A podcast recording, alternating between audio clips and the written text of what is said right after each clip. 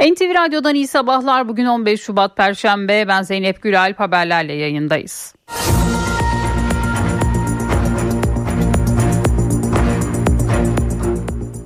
Erzincan'da altın madenindeki heyelanda toprak altında kalan 9 işçiye ulaşma çalışması sürüyor. Arama kurtarma ekipleri kontrollü bir şekilde sahayı tarıyor. Ayrıca bölgeye mobil takip sistemleri ve yer radar gibi ekipmanlar da kuruldu. Bu sayede hem göçük altındaki işçilerin yeri saptanacak hem de yeni oluşabilecek heyelanlar önceden belirlenecek. Çevre Şehircilik ve İklim Değişikliği Bakanlığı bölgede şu ana kadar bir kirlilik tespit edilmediğini de açıkladı. Felakete ilişkin soruşturma ise sürüyor. 7 kişiden oluşan bilirkişi heyeti toprak kaymasının nedenlerini araştırmak için bölgede çalışma yapıyor. Aralarında maden saha görevlisinin de bulunduğu 7 kişi ise gözaltına alındı. Olayın araştırılmasına ilişkin komisyon kurulmasına dair meclis kararı da resmi gazetede yayımlandı. AK Parti İstanbul Büyükşehir Belediye Başkan adayı Murat Kurum Erzincan İliç'teki maden konusunda bakanlığı dönemindeki eleştirileri yanıtladı. Kurum maden 135 kez denetlendi, 3 ay kapısına mühür vuruldu, denetimler sıkı yapıldı dedi. Dezenformasyonla Mücadele Merkezi de İliç'teki maden ocağının kapasite artırım iznini dönemin Çevre ve Şehircilik Bakanı Murat Kurum tarafından verildiği iddiasını yalanladı. Bakanlığın kapasite artırma izni verme yetkisi bulunmadığının altı çizildi. Şanlıurfa'da şiddetli yağış sele neden oldu. Çoban Deresi taşınca Şanlıurfa Viranşehir yolu suyla doldu. Çok sayıda sürücü mahsur kaldı. Kentte iki ilçede sağanak nedeniyle okullar bugün tatil edildi. Malatya ve Elazığ'da da sağanak etkiliydi. Antalya'da da pazartesi günü etkili olan ve bir kişinin hayatını kaybettiği şiddetli yağışın izleri sürüyor. Selin vurduğu kentte temizlik çalışması başlatıldı.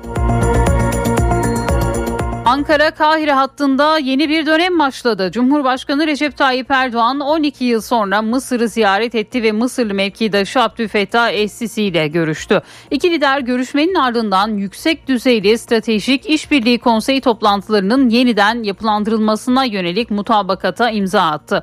Erdoğan ve Sisi ilişkilerde yeni bir dönemin başladığı mesajını verdi. Mısır'la iç içe geçmiş bir tarihleri olduğunu vurgulayan Erdoğan, ticaret hacmini kısa süre içerisinde 15 milyar dolara çıkarmak için mutabık kalındığını da açıkladı. Aday belirleme çalışmalarını tamamlayan CHP Genel Başkanı Özgür Özel sahaya indi. Ankara'nın Etimeskut ilçesinde seçim ofisinin açılışını yaptı. Özel'in Cumhurbaşkanı Erdoğan'ın Mısır ziyaretine yönelik açıklamaları da oldu. Biz yıllardır ona devletler arası küslük olmaz dedik. E, Sisi ile görüş dedik. Bugüne kadar söylediklerinin her birini inkar edip doğru yola gelmiştir dedi. İstanbul Büyükşehir Belediyesi'nin Kanal İstanbul projesinin imar planına ilişkin açtığı davada karar çıktı. İstanbul 11. İdare Mahkemesi Kanal İstanbul Yenişehir Rezerv Yapı Alanı imar planını iptal etti. Kararı duyuran Büyükşehir Belediye Başkanı Ekrem İmamoğlu bu karar Kanal İstanbul meselesinde büyük bir yanlış yapıldığının belgesidir diye konuştu. AK Parti Küçükçekmece Belediye Başkan adayı Aziz Yeni Ay'ın Kanarya Mahallesi'ndeki bir derneği ziyareti sırasında düzenlenen ve bir kişinin ağır yaralandığı silahlı saldırının ardından adliyeye sevk edilen 26 şüpheliden 16'sı tutuklandı. Yeni Ay ise olayın kendisine yönelik olduğunu düşündüğü için şikayetçi oldu. Kasım ve Nisan aylarındaki birer haftalık ara tatil uygulamasını devam ettirme kararı alan Milli Eğitim Bakanlığı 180 olan eğitim iş günü süresini artırmaya yönelik bir düzenleme hazırlığında. Öğrencilerin yılda 200 gün okula gidecek şekilde bir takvim oluşturulması için çalışmalara başlandı. Salı gecesi motorine gelen 2 lira 56 kuruşluk zamın ardından akaryakıtta bir zam haberi daha var. Benzine 1 lira 79 kuruş zam yapıldı. Artış gece yarısı fiyatlara yansıdı. Zam sonrası benzinin litresi İstanbul'da 41 lira 20 kuruşa, Ankara'da 41 lira 90 kuruşa, İzmir'de ise 42 lira 10 kuruşa çıktı.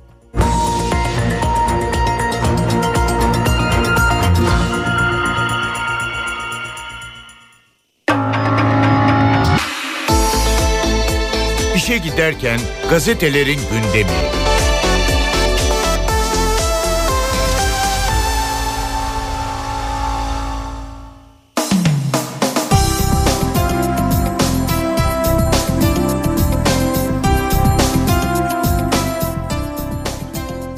Sabahın ilk sayfasıyla başlayalım. Gazze için güç birliği manşetini atıyor bugün sabah gazetesi. Cumhurbaşkanı Erdoğan'ın 12 yıl sonra Mısır'a yaptığı tarihi ziyarette dünyaya net mesaj.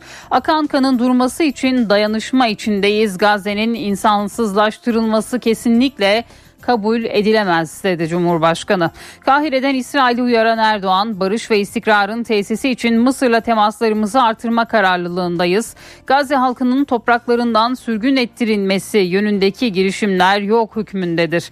Gazze'nin insansızlaştırılması hiçbir şekilde kabul edilemez. İsrail katliamlarını, refahı taşımaktan uzak durmalı. Uluslararası camia bu duruma izin vermemelidir. Ateşkesin bir an evvel tesisi önceliğimiz. Derhal ateşkes çağrısı yapan Cumhurbaşkanı Sisi ise Batı Şeria'daki gerilimin yatıştırılması konusunda Türkiye Cumhurbaşkanı ile aynı fikirdeyim. Mısır ve Türkiye el ele vererek Gazze'de çok iyi sonuçlar elde edebilecek dedi ve Cumhurbaşkanı Erdoğan'ın Mısır ziyareti bugün sabahın manşetindeydi. Toprak altındaki 9 maden işçisi için acı bekleyiş bir diğer başlık. Erzincan'daki maden sahasında kayan toprağın altında kalan işçiler için arama kurtarma çalışmaları sürüyor. İliç'teki altın madeni sahasında toprak altında kalan işçilerden 5'inin konteynerde, 3'ünün araç içinde birinin ise kamyonda olduğu belirtildi. Devlet birimleri, madenciler ve sivil toplum kuruluşlarından oluşan 827 personel arama kurtarma çalışmalarını sürdürüyor. 7 kişi gözaltına alındı diyor Sabah gazetesi. Şiddet oyunları en tehlikeli bağımlılık bir diğer başlık. Samsun'da ailesinin internette şiddet içerikli oyun oynamasına izin vermediği 12 yaşındaki çocuk tabancayla kendini yaraladı. Uzmanlar oyun bağımlılığıyla mücadele ederken yerine bir şey koymalısınız diyor ve bu haberde yine Sabah gazetesinin ilk sayfasında yer buluyor. Hürriyet'in manşeti felaketi 5,5 saat önce gördüler. Erzincan'ın İliç ilçesindeki Anagold altın madenindeki facia saat 9'da alarm verdi. Onlarca işçi bölgeden uzaklaştırıldı ama saat 14.28'deki felaket önlenemedi. Önceki sabah 9'da rutin kontrole çıkan görevliler madenden çıkarılıp istiflenen toprağın üst kısmında çatlaklar gördü. Durum hemen üst yönetime bildirdiler. Yüze yakın işçinin bulunduğu alan boşaltıldı. Saat 14.28'de 3 bölge amiri kontrole geldi ancak araçlardan inemeden toprak seline kapıldılar. Boşaltılan bölgede konteynerdeki 5 işçiyle bir kamyon şoförü de toprağın altında kaldı. Hürriyete konuşan uzmanlara göre maden şirketinin milyonlarca ton toprağı sıkıştırmadan biriktirmesi ve yağmur suyu drenajı yapmaması faciayı tetikledi. Fırat'a bu kadar yakın bir yere tesis kurulması da başka bir hata deniliyor. Hürriyet gazetesinin manşetinde. Mısırlı 12 yıl sonra sıcak başlangıç yine Cumhurbaşkanı Erdoğan'ın Mısır temasları bu başlıkta yer buluyor. Bir diğer haberse adliyeye saldırının talimatı Fehriye'den. E, Çağlayan Adliyesi'ne düzenlenen silahlı saldırının talimatını Sabancı suikastı firarisi DHKPC'li Fehriye Erdal'ın verdiği belirlendi. Erdal'la 3 DHKPC'li terörist için yakalama kararı çıkarıldı deniliyor. Yine bu başlıkta Hürriyet'in ilk sayfasında yer buluyor. Milliyet ortaklık zamanı manşetiyle çıkıyor. Cumhurbaşkanı Erdoğan ve Mısır Cumhurbaşkanı Sisi Kahire'deki tarihi buluşmalarında güç birliğine giderek ortak projeler geliştirme kararı aldı. Cumhurbaşkanı Erdoğan havalimanında Mısır Cumhurbaşkanı Abdülfettah Es-Sisi tarafından karşılandı. İki lider İttihadiye Sarayı'ndaki görüşmenin ardından yüksek düzeyli stratejik işbirliği konseyi toplantılarının yeniden yapılandırılmasına ilişkin ortak bildiriyi imzaladı. Erdoğan ortak basın toplantısında Sisi'yi Ankara'ya davet ettiğini söyledi ve bu başlıkta yine Milliyet gazetesinin manşetindeydi. Facia göz göre göre yaşandı bir diğer başlık. Erzincan'ın İliç ilçesindeki Anagol çöpler altın madeninde önceki gün yaşanan toprak kaymasında kaybolan 9 kişi arama çalışmaları sürerken Milliyete konuşan işçiler göçün yaşandığı sabah yapılan rutin kontroller sırasında toprakta fark edilen çatlakların olası daha büyük bir faciayı engellediğini söyledi. Gürsel abi baba ocağına döner bir diğer başlık. CHP lideri Özgür Özel partinin ağır isimlerinden Gürsel Tekin'in istifası için birkaç gün sonra kendisini arayacağım. Bu ilk kızgınlık geçtikten sonra ben Gürsel abinin yeniden baba ocağına döneceğini düşünüyorum. Herkes yapar da Gürsel Tekin'in bunu yapmaması gerekiyor dedi. Yine Özgür Özel'in bu açıklaması da bugün Milliyet'in ilk sayfasında yer buldu. Yeni Şafak'ın manşetinde Gazze'de ortak tavır başlığını görüyoruz. İsrail'in Gazze'deki katliamları aralıksız sürerken Cumhurbaşkanı Erdoğan 12 yıl sonra Mısır'ı ziyaret ederek Sisi ile bir araya geldi. İki lider tarihi görüşmede ateşkes sağlanmasına ve Filistinlilerin Gazze'den sürgün edilmesine karşı ortak tavır aldı. Hastaneden çıkanı vuruyor bir diğer başlık. Gazze'deki şifa ve Endonezya hastanelerini yaralı ve çocuk ayrımı yapmadan zorla boşaltan terör devleti İsrail şimdi de tanklarla kuşattığı Nasır Hastanesi'nde katliama başladı diyor Yeni Şafak gazetesi bugün.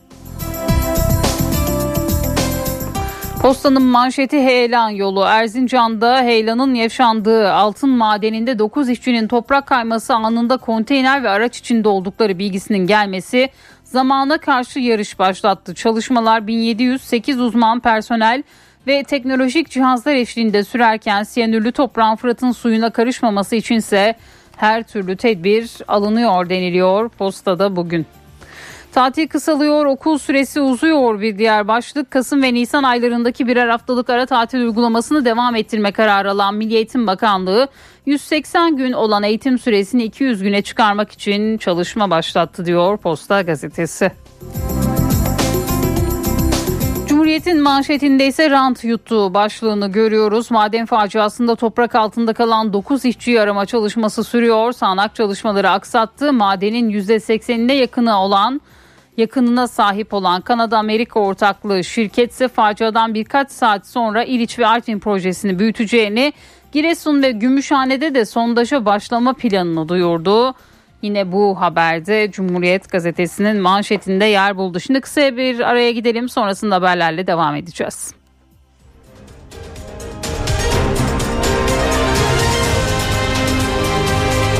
NTV Radyo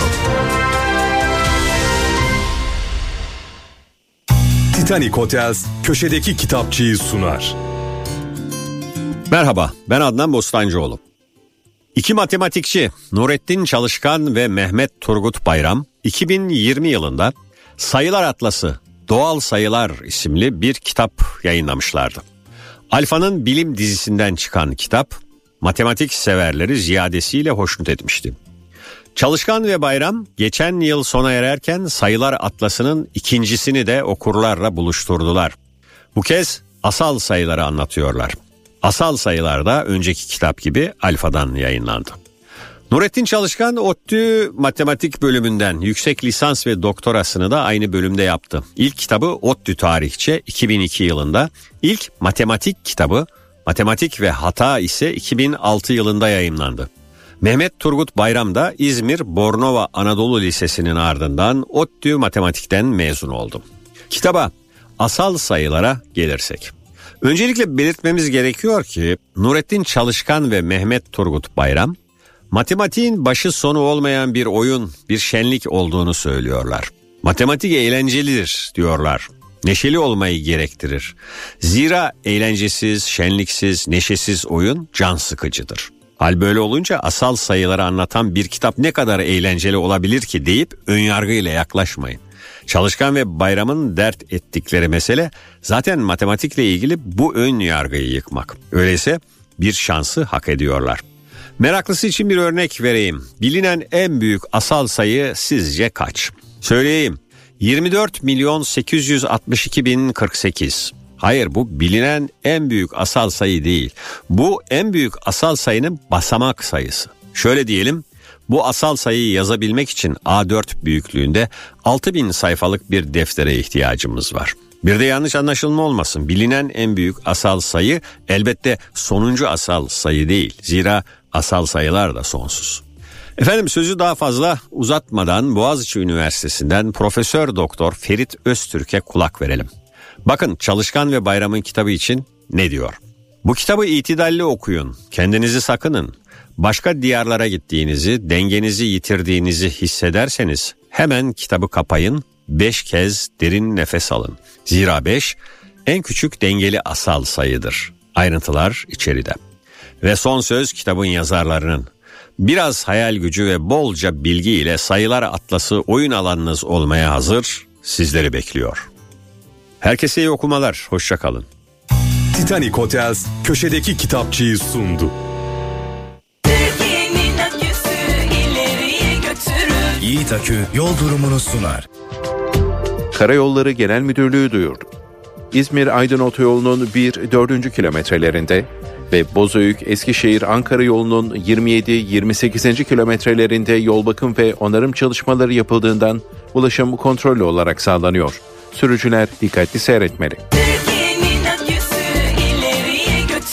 Yiğit Akü yol durumunu sundu.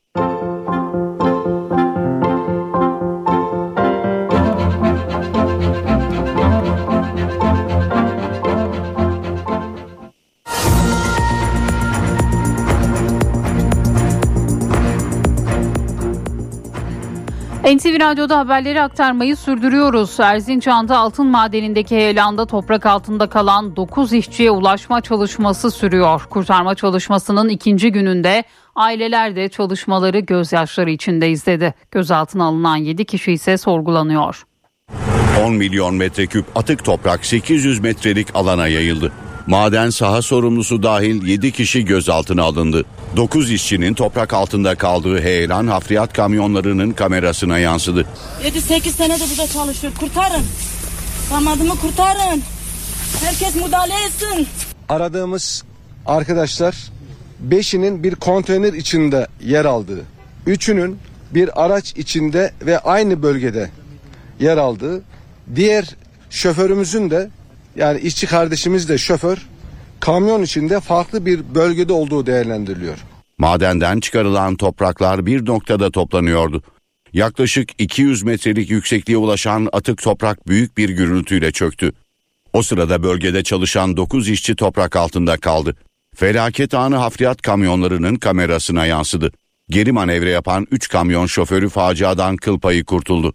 AFAD, TSK, arama kurtarma, JAK, PAK, madenciler ve sivil toplum kuruluşlarından oluşan 339'u arama kurtarma personeli ve diğer görevlilerle beraber 1700-800 personel görev yapıyor.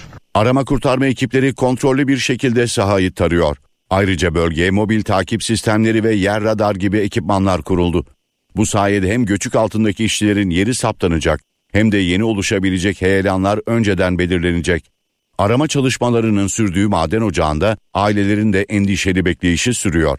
Kayıp işçilerin yakınları gözyaşları içinde kurtarma çalışmalarını izliyor. Uğur Yıldız'ı bekliyoruz, komşusuyuz.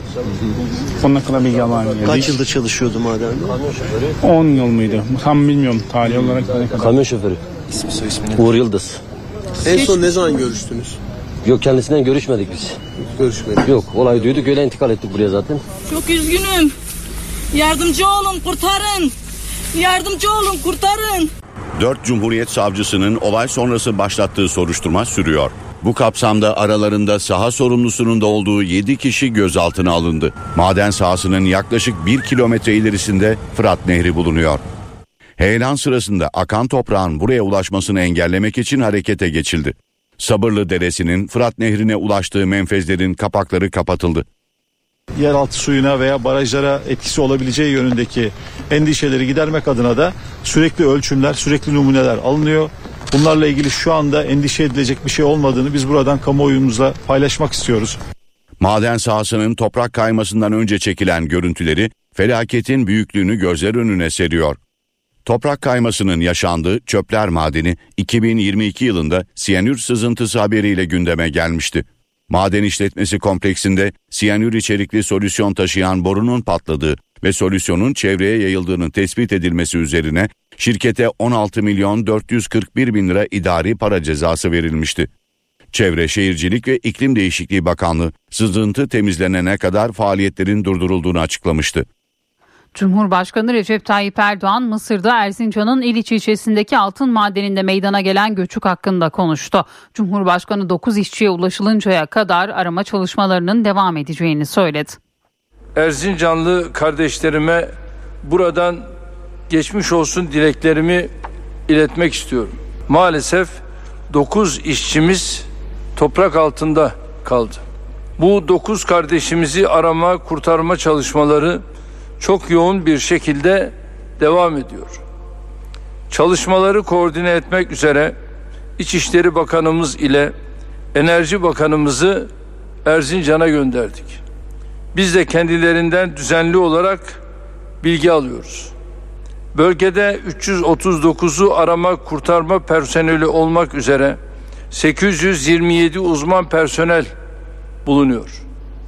Ayrıca 626 araç, 32 iş makinası, 97 aydınlatma kulesi, 6 drone, 44 jeneratör ile özel donanıma sahip diğer araçlar kaza sahasındaki çalışmalara destek veriyor. İşçilerimize ulaşıncaya kadar çalışmalarımızı sürdüreceğiz. AK Parti İstanbul Büyükşehir Belediye Başkan adayı Murat Kurum, İliç'teki maden konusunda bakanlığı dönemindeki eleştirileri yanıtladı. Kurum, maden 135 kez denetlendi, 3 ay kapısına mühür vuruldu, denetimler sıkı yapıldı dedi. AK Parti İstanbul Büyükşehir Belediye Başkan adayı Murat Kurum İstanbul'da seçim çalışmalarını sürdürdü. Kurum bakanlığı döneminde Erzincan'daki maden sahasında denetimlerin sıkı yapıldığını hatırlattı. Bu işletmenin çevre mevzuatına uygun iş yapıp yapmadığı tam 135 kez denetlendi. 21 Haziran 2022'de işletmeye çevre kanunundaki en üst sınırdan idari para cezası verildi. İşletmenin faaliyetinde çevre mevzuatı kapsamında görülen eksiklikler nedeniyle işletme 3 ay men edildi. Kapısına mühür vuruldu. Kurum işletmenin kapasitesini artırmakla suçlandıklarını söyledi. Milletimizi yasa boğan hadise siyasi bir istismara dönüştürüldü dedi. Çevre Bakanlığı işletmenin kapasite artışı kararını vermez. Veremez. Çünkü böyle bir yetkisi yoktur. İnsanımızın canları üzerinden siyasi ikbal peşine düşenleri, milletimizi aldatmaya çalışanları bu millet affetmeyecektir. Şu anda bizim tek bir gayrimiz var. O da canlarımızın bir an önce kurtulmasıdır. Meclis Genel Kurulu'nda Erzincan İliç'te meydana gelen maden faciasının araştırılması için komisyon kurulmasına karar verildi. Komisyon toprak kaymasını tüm yönleriyle araştıracak. Meclis Genel Kurulu'nda Erzincan'daki madende yaşanan toprak kaymasının tüm yönleriyle araştırılmasına ilişkin araştırma komisyonu kuruldu. Erzincan'daki olayın da tüm yönleriyle Gazi Meclisimiz tarafından takip edilmesi ve ele alınması için ortak iradeyle bu anlamda çabayı e, yine ortaya koymuş olacağız. 22 üyeden oluşacak komisyonun rutin takvimin dışına çıkarak çalışmasını kısa bir süre sonra tamamlaması bekleniyor. Komisyonun çalışma süresi 3 ay olarak belirlendi. Maden sahasında yaşanan toprak kayması gündemdeyken mecliste maden kanununda değişikliğin öngörüldüğü teklifin görüşmeleri ertelendi. Bir maden yasası getirdiniz değil mi? Bugün görüşülecekti. Niye kaldırıyorsunuz? Niye geri çekiyorsunuz? İşçi sağlığı ve güvenliğini hiç önemsemeyeceğiniz şirket karını da maksimize etmeyi amaçlayan bir teklif getiriyordunuz. Bunun kamuoyunda böyle bir duyarlılık yükselmişken görüşülmesinden korkuyorsunuz. Tunceli Valiliği toprak kayması nedeniyle eylem düzenlemek amacıyla Erzincan'a gidişlere kısıtlama getirdi. Açıklama Tunceli Valiliğinden geldi. Açıklamada Erzincan'da 9 kişinin toprak altında kaldığı heyelan hatırlatıldı. Eylem ve etkinlik düzenlemek amacıyla kişilerin ve araçların ilimiz sınırları içerisinden Erzincan iline çıkışları kısıtlanmıştır denildi. Kısıtlama pazar günü 23.59'a kadar devam edecek. NTV Radyo Cumhurbaşkanı Recep Tayyip Erdoğan 12 yıl sonra Mısır'ı ziyaret etti. Mevkidaşı Sisi ile görüştü. İki lider görüşmenin ardından yüksek düzeyli stratejik işbirliği konseyi toplantılarının yeniden yapılandırılmasına yönelik mutabakata imza attı. Cumhurbaşkanı Erdoğan'ın 12 yılın ardından gelen Mısır gezisinin satır başlarını NTV ekibinden Ahmet Örsoğlu'ndan dinliyoruz. Cumhurbaşkanı Recep Tayyip Erdoğan'ın merakla beklenen Mısır ziyareti gerçekleşti. Erdoğan Dubai'den Kahire'ye geldi. Havaalanında Mısır Cumhurbaşkanı Sisi ve eşi karşıladı. Erdoğan ve Emine Erdoğan'ı e, aslında bu bir sürprizdi. Çünkü Cumhurbaşkanı Erdoğan'ı Mısır Başbakanı'nın karşılaması bekleniyordu. Resmi karşılama töreninin ilk ayağı havalimanında gerçekleşti. Erdoğan ardından hemen arkamızdaki İttihadiye Sarayı'na geldi. Burada da 21 pare top atışıyla karşılandı. Cumhurbaşkanı Recep Tayyip Erdoğan sadece Türkiye ve Mısır ilişkilerini yakından ilgilendiren bir ziyaret değildi elbette bu ziyaret. Bölge ülkelerinin de yakından takip ettiği bir ziyaret olduğunu söylemekte fayda var. Neden böyle söylüyoruz? Çünkü e, yabancı ajanslar da e, buradaki ziyareti, basın e, toplantısını yakından takip ettiler. Bununla beraber Cumhurbaşkanı Recep Tayyip Erdoğan'ın mesajları ve Mısır'dan bölgedeki gerilimin düşürülmesine yönelik beklentileri kritikti. Özellikle Erdoğan İsrail'in Gazze'ye yönelik saldırılarının durdurulması için Mısır Cumhurbaşkanı e, Sisi'den bazı taleplerde bulundu. Erdoğan Sisi'nin e, İsrail üzerindeki baskısını arttırmasını istedi. Bununla beraber özellikle refah sınır kapısındaki tansiyon her geçen gün biraz daha yükseliyor. Yaklaşık 380 kilometrelik bir e, uzaklıktayız refah sınır kapısına. Ancak bölgedeki gerilimin e, buradan İttihadiye Sarayı'ndan da e, çok net bir şekilde hissedildiğini söylemekte fayda var. Yardım mekanizmasının sağlamlaştırılması da önemliydi. Özellikle Türk Kızılay'ın e, bölgedeki Refah'taki e, faaliyetleri devam ediyor. Yine Sağlık Bakanlığı'nın faaliyetleri devam ediyor. Bugün e, Cumhurbaşkanı Recep Tayyip Erdoğan'a e, Kızılay ekibiyle birlikte Sağlık Bakanı Fahrettin Koca da eşlik etti. E, heyetteki isimlerin e, varlığı da yine bugün arkamda e, sarayda gerçekleşen görüşmelerin bir nevi konu başlıklarını da oluşturdu e, diyebiliriz. Türkiye e, refah sınır kapısında bir hastane inşaatı yapmak istiyor. Bu noktada Mısırlı yetkililerin desteklerinin de istendiğini e, ifade etmekte e, fayda var. Yine e, Türkiye'nin Gazze'ye yönelik yardım faaliyetleri devam ediyor. Bu yardım faaliyetlerinin ardır, arttırılması El Ariş havaalanı üzerinden bu yardım faaliyetlerinin gerçekleşmesi yönünde de e, Türkiye'nin bir çabası var. Önümüzdeki süreçte Türkiye ve Mısır'ın e, bu süreçte birlikte çalışması yönünde bir beklenti söz konusu. E, Bununla beraber iki ülke arasında ticaretin arttırılması e, yeni bir hedef olarak koyuldu. 15 milyar e, dolarlık bir hedef söz konusu. İki lider basın toplantısına çıktığında zaten bu hedefi açıkladılar kamuoyuna. Ancak arka planda yine top başkanı Rifat Hisarcıklıoğlu'nun burada olduğunu söyleyelim. İş dünyası ile birlikte Mısır'a geldiler. Onlar da mevkidaşlarıyla görüşmeler gerçekleştirdiler. Cumhurbaşkanı Recep Tayyip Erdoğan iş dünyasının Mısır'da e, iş yapabilmesi için kolaylaştırıcı e, rolünde en azından bu ziyarette bunu gördük. Bununla beraber Hazine ve Maliye Bakanı Mehmet Şimşek ve Ticaret Bakanı Ömer Bolat da e, buradaydı ve onlar da iş dünyasına Mısır'da yeni kapılar açabilmek için mevkidaşlarıyla e, birebir ve heyetler arası görüşmeler gerçekleştirdiler. Erdoğan e, Mısır'dan bu görüşmeyi yaptıktan sonra basın toplantısı sonrasında bir çalışma yemeği gerçekleştirildi, tamamlandı ve Erdoğan e, Mısır'dan ayrıldı. Rotası Türkiye olarak belirlendi. Ahmet Örsoğlu'nun notlarını dinledik. Aday belirleme çalışmalarını tamamlayan CHP Genel Başkanı Özgür Özel sahaya indi. Ankara'nın Etimeskut ilçesinde seçim ofisinin açılışını yaptı. Özel'in hem Cumhurbaşkanı Erdoğan'a hem de MHP Genel Başkanı Bahçeli'ye yönelik eleştirileri vardı.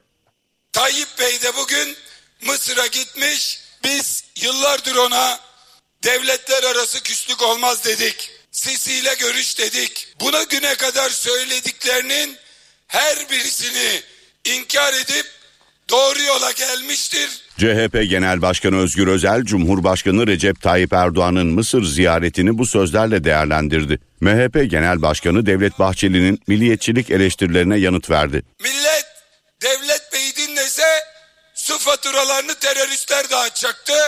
Ama altı okun en önemli simgelerinden bir tanesi olan milliyetçilik okunu kalbinin üstünde taşıyan Bu güzel insan bunların hepsini yaptı. Aday belirleme çalışmalarını tamamlayan Özel sahaya indi.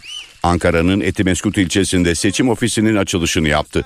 Özel hem Ankara Büyükşehir Belediye Başkanı Mansur Yavaş için hem de Etimeskut adayları Erdal Beşikçioğlu için oy istedi. Etimeskut ittifakına Behzat Ç'mi, komiserimi, valimi ve 1 Nisan'ın belediye başkanı Erdal Beşikçioğlu'na emanet ediyorum. Açılış törenine Yavaş ve Beşikçioğlu da katıldı. El ele veriyoruz. Ortak projeler yapmak suretiyle inşallah Etimeskut'u marka bir kent yapmaya, daha da geliştirmeye çalışacağız. Üzeri örtülmüş sorunlar var. Bunların hepsini görüyoruz. Ve diyoruz ki sorun varsa çözüm sosyal demokrat belediyecilikte. Milliyetçi Hareket Partisi 52 belediye başkan adayını daha açıkladı. Açıklama MHP Genel Başkan Yardımcısı Sadi Durmaz'dan geldi. Yeni isimlerden 33'ü ilçe, 19'u ise belde adayı. Böylece MHP 31 Mart yerel seçimleri için 2857 adayını açıklamış oldu. İyi Parti Genel Başkanı Meral Akşener mecliste grup toplantısında kürsüdeydi. Erzincan'da toprak altındaki işçiler ve deprem kayıpları için Karacaoğlan'ın dizeleriyle bestelenen bir türküyü dinletmek istediğini söyledi. Cep telefonundan türküyü açtı ve gözyaşlarıyla konuşmasını tamamladı. 1607'de doğmuş Karacaoğlan'ı dinleteceğim size.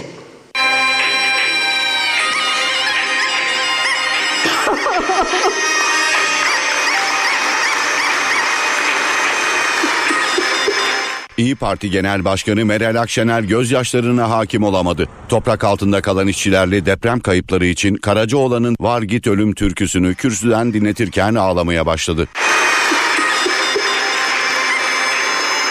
Niçin hep fakirler kaçamıyor? Niçin hep haksızlık bunlara oluyor? 1607, 1679, 2024. Andolsun şart olsun bunları değiştireceğiz. Akşener partisinin grup toplantısında kürsüdeydi. Erzincan'daki madene ilişkin daha önce verdikleri soru önergesini hatırlattı. Uyarmıştım dedi. 29 Haziran 2022'de bu kürsüden Erzincan İliç'teki altın madenindeki tehlikeye karşı iktidarı uyarmıştım. Hatta bu konuda İyi Parti olarak bu raporun üzerine meclisimize soru önergeleri verdik. Akşener toplantıda 43 aday da açıkladı. Artvin adayı CHP'den yeniden aday gösterilmeyen ve istifa eden mevcut başkan Demirhan Elçin oldu. Hatay Büyükşehir Belediye Başkanlığı için de Nusret Cömert aday gösterildi. Ankara ilçe adayları tanıtım toplantısında ise gerilim yaşandı. Bazı partililer Etimeskut ilçesinde Hilmi Özer'in aday yapılmasına tepki gösterdi.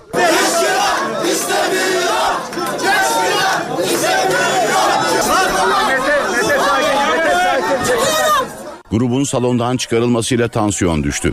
Ancak toplantının ardından Ankara İl Başkanı Yener Yıldırım görevden alındı. Yerine Akif Sarper Önder atandı. Şanlıurfa'da şiddetli yağış sele neden oldu. Çoban Deresi taşınca Şanlıurfa Viranşehir yolu suyla doldu. Çok sayıda sürücü ise mahsur kaldı. Kentte iki ilçede sağanak nedeniyle okullar bugün tatil edildi. Malatya ve Elazığ'da da sağanak etkiliydi. Yollar göle döndü. Araçlar ilerleyemedi. Mahsur kalanlar iş makineleriyle kurtarıldı.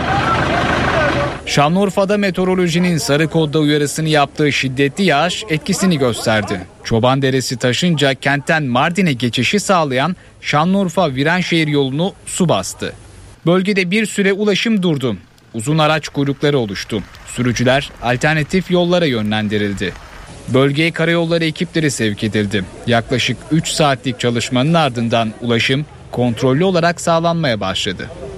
Su birikintileri çevredeki mahalleler için de tehdit oluşturdu. Dolan tahliye kanallarına yakın yerleşim yerlerinde vatandaşlar serin evlerine ulaşmaması için kum torbalarıyla önlem aldı. İlerleyen saatlerde Şanlıurfa Valisi Hasan Şıldak şiddetli yağış nedeniyle okulların tatil edildiğini duyurdu. Siverek'te Viranşehir ilçeleriyle kırsal mahallelerdeki tüm okullarda eğitime bugün ara verildi. Malatya'da da sağanak ulaşımı aksattı. Malatya Gölbaşı yolunda trafik akışı kontrollü sağlanıyor.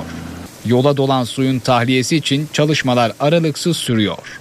Güneştepe mahallesinden geçen dere taştı. Bazı ev ve ahırları su bastı. Bölgedeki 15 yıllık bir köprü zarar gördü.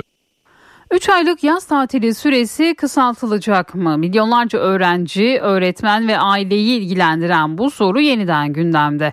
Milli Eğitim Bakanlığı konu üzerinde çalışıyor ama eğitim süresini uzatmaya yönelik henüz net bir karar verilmedi. Peki uzmanlar ne diyor? Ayrıntılar haberimizde.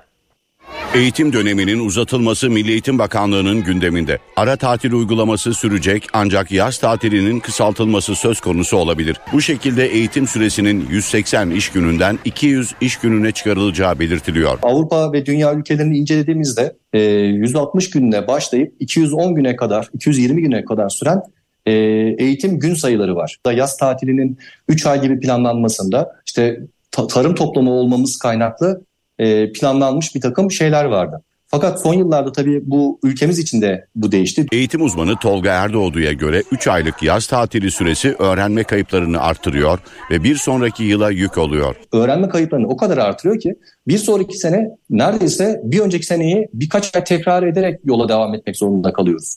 Ee, özellikle müfredat da yoğun olduğu için bu tekrarlar da yapılmakta zorluk çekiyor ve öğrenciler kopmaya başlıyor. 180 günlük eğitim süresi 200 güne çıkarsa bu 4 haftaya tekabül eden bir uzama anlamına geliyor. Müfredatın rahat işlenmesi için de nasıl bir etkisi olur? Bir konunun 6 saatte anlatılması var, bir konunun 10 saatte anlatılması var. Tabii ki 6 saatte anlattığınızla 10 saatte anlattığınız arasında çözdüğünüz örnekler bakımından, anlattığınız hikayeler bakımından daha kalıcı bir öğrenme yapacaktır tabii ki 10 saat. Erdoğdu'ya göre eğitim takvimi uzatılırken devamsızlığın artmaması için önlem alınmalı. Geçtiğimiz günlerde turistik ve kültürel amaçlı geziler için kapılarını açan İstanbul Üniversitesi birkaç gündür tartışmaların odağındaydı.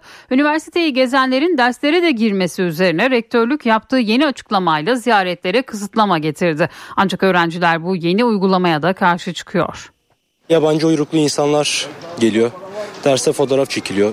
İstanbul Üniversitesi 8 Şubat'tan beri sadece akademisyen ve öğrencileri değil turistleri de ağırlıyordu. Sınıfın içine girenleri de gördük e, veya direkt fakülte binasının içine girenler. Güvenliğinden endişe eden arkadaşlarımız da vardı. Ben pazartesi günü açıktı girdim. Evet. Yani sadece X-ray cihazından geçiyorsunuz. Hani herhangi bir kontrol olmuyordu. Yani bayağı dersliklere kadar girebildim ben. Bugün çiçeklerle kaldık kapı. Okul yönetimi şikayetlerin artması üzerine ziyaret saatlerini 13 ve 16 arasıyla sınırladı, randevu şartı getirdi. Fakülte binalarına girişi tamamen yasakladı. Üniversitenin ziyarete açık olduğunu düşünen pek çok kişi kapıdan döndü. Bu karara da karşıyım. Ee, okulumuz müze değil. Okulumuz bizim olarak kalsın öğrencilerin. Üniversitenin turistik ziyarete açılmasıyla oluşan duruma İstanbul Bağımsız Belediye Başkan adayı Taylan Yıldız da sosyal medyada paylaştığı videolarla dikkat çekti. İstanbul Üniversitesi Hukuk Fakültesi'nde anayasaya giriş Anayasa. Anayasa hukuku dersine girdim. Elimi kolumu sallaya sallaya girdim. Çekimlerin yapıldığı İstanbul Üniversitesi Hukuk Fakültesi'nde bahar yarı yılı 12 Şubat'ta başlamıştı. Rektörlükten yapılan açıklamalarda ise bu paylaşımların gerçeği yansıtmadığı iddia edildi. Eğitim öğretim yok. Şu anda başlamadı. Başlamadığı için öğrenci yok ve dünkü haberlerin de gerçekle ilgisi olmadığını e, bir öğretim üyesi olarak, bir hoca olarak e, beyan etmem gerekiyor. Alınan yeni kararla İstanbul Üniversitesi'ni kültürel amaçlı gezmek isteyenlerin kurumun web sitesi üzerinden kayıt yaptırması gerekiyor.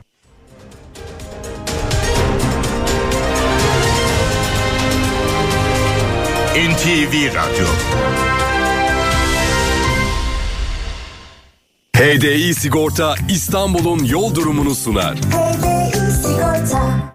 İstanbul'da trafikte yoğunluk haritası bu dakika itibariyle %65'i gösteriyor. 15 Temmuz Şehitler Köprüsü'ne giderken Anadolu'dan Avrupa'ya geçişte Libadiye bağlantı yolu Beylerbeyi arasında sabah trafiği var. Fatih Sultan Mehmet Köprüsü'ne giderken de İkbal Caddesi Kavacık arası yoğun. Her iki köprüde de Anadolu'dan Avrupa'ya geçişte bir araç yoğunluğu gözleniyor. Avrasya Tüneli ise çift taraflı açık. Avrupa yakasına gelindiğinde E5'te Avcılar Cevizli arasında oldukça yoğun bir trafik var. Tem'de ise Esenyurt İkitelli arası yoğun. Yolda olanlara iyi yolculuklar diliyoruz.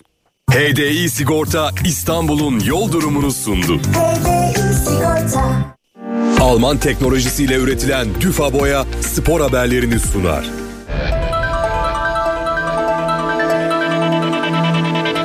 Greco-Romen güreş milli takımı Avrupa Şampiyonası'nda altın madalya kazanarak 5. kez şampiyon oldu. Milliler erkeklerde son günü Alperen Berber ve Selçuk Can'ın altın madalyasıyla kapattı. Türkiye Greco-Romen Güreş Milli Takımı Avrupa Şampiyonası'nda bir kez daha zirvede. Selçuk Can Avrupa şampiyonu. Romanya'nın başkenti Bükreş'te düzenlenen turnuvada Alperen Berber, Greco-Romen stil 82 kiloda Rus İslam İsmailoviç Aliyev'i 4-3 yenerek Avrupa şampiyonu oldu. Büyüklerde ilk kez mücadele eden 18 yaşındaki milli sporcu kariyerindeki ilk altın madalyasına ulaştı. Alperen Berber yeni yıldızımız. Avrupa şampiyonu oluyor.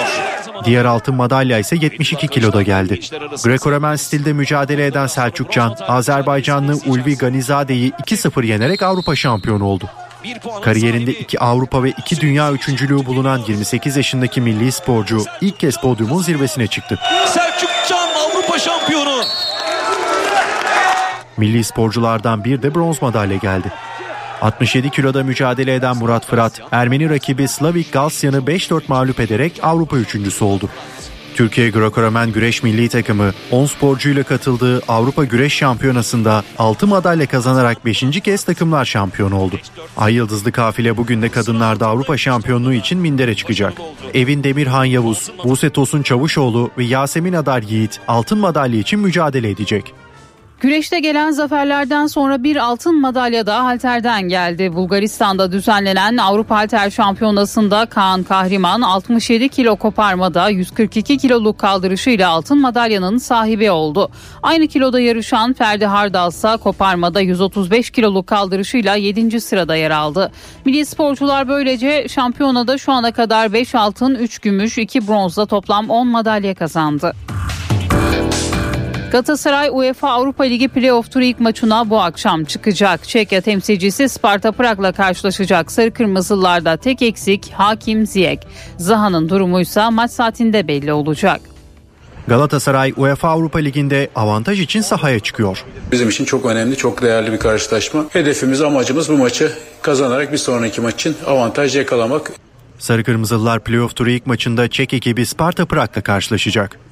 Avrupa kupalarında çıktığı son 24 müsabakada sadece 4 kez mağlup olan Galatasaray'da Hakim Ziyech sakatlığı nedeniyle forma giyemeyecek. Son antrenmanda yer almayan Wilfried Zaha'nın durumu maç saatinde netleşecek. Yeni transfer Sergio Aurier'in yanı sıra sakatlıklarını atlatan Abdülkerim Bardakçı ve Sergio Oliveira da şans verilmesi durumunda forma giyebilecek. Okan Buruk'un ekibinin sahaya Mustera, Kaan Nelson Sanchez Berkan, Torreira Kerem Demirbay, Barış Alper Mertens Kerem Aktürkoğlu ve Icardi 11 ile çıkması bekleniyor. İyi bir takım, zor bir rakip. İyi başlayıp maçın sonuna kadar e, iyi devam etmek zorundayız. Burada da hem sabıra ihtiyacımız var e, oyun içerisinde ama e, Galatasaray taraftarına Galatasaray'a yakışır bir oyun ortaya çıkacağından, çıkacağından hiçbir e, şüphem yok. Bu anlamda oyuncularıma çok güveniyorum. Sarı Kırmızılılar Şampiyonlar Ligi'nde Bayern Münih, Manchester United ve Kopenhaglı grupta bir galibiyet, iki beraberlik ve üç yenilgi alarak yoluna UEFA Avrupa Ligi'nde devam etme hakkı kazanmıştı. Sparta Prag ise UEFA Avrupa Ligi'nde Rangers, Real Betis ve Aris Limassol'un bulunduğu C grubunu 10 puanla ikinci sırada bitirerek bir üst tura yükselmişti. Rams Park'ta saat 20.45'te başlayacak müsabakayı İspanyol hakem Alejandro Hernandez yönetecek. Alman teknolojisiyle üretilen zemin boyası Düfa Boya spor haberlerini sundu. Saat 8 Türkiye ve Dünya gündeminde bu saate kadar öne çıkan başlıklara bir haber turuyla bakacağız.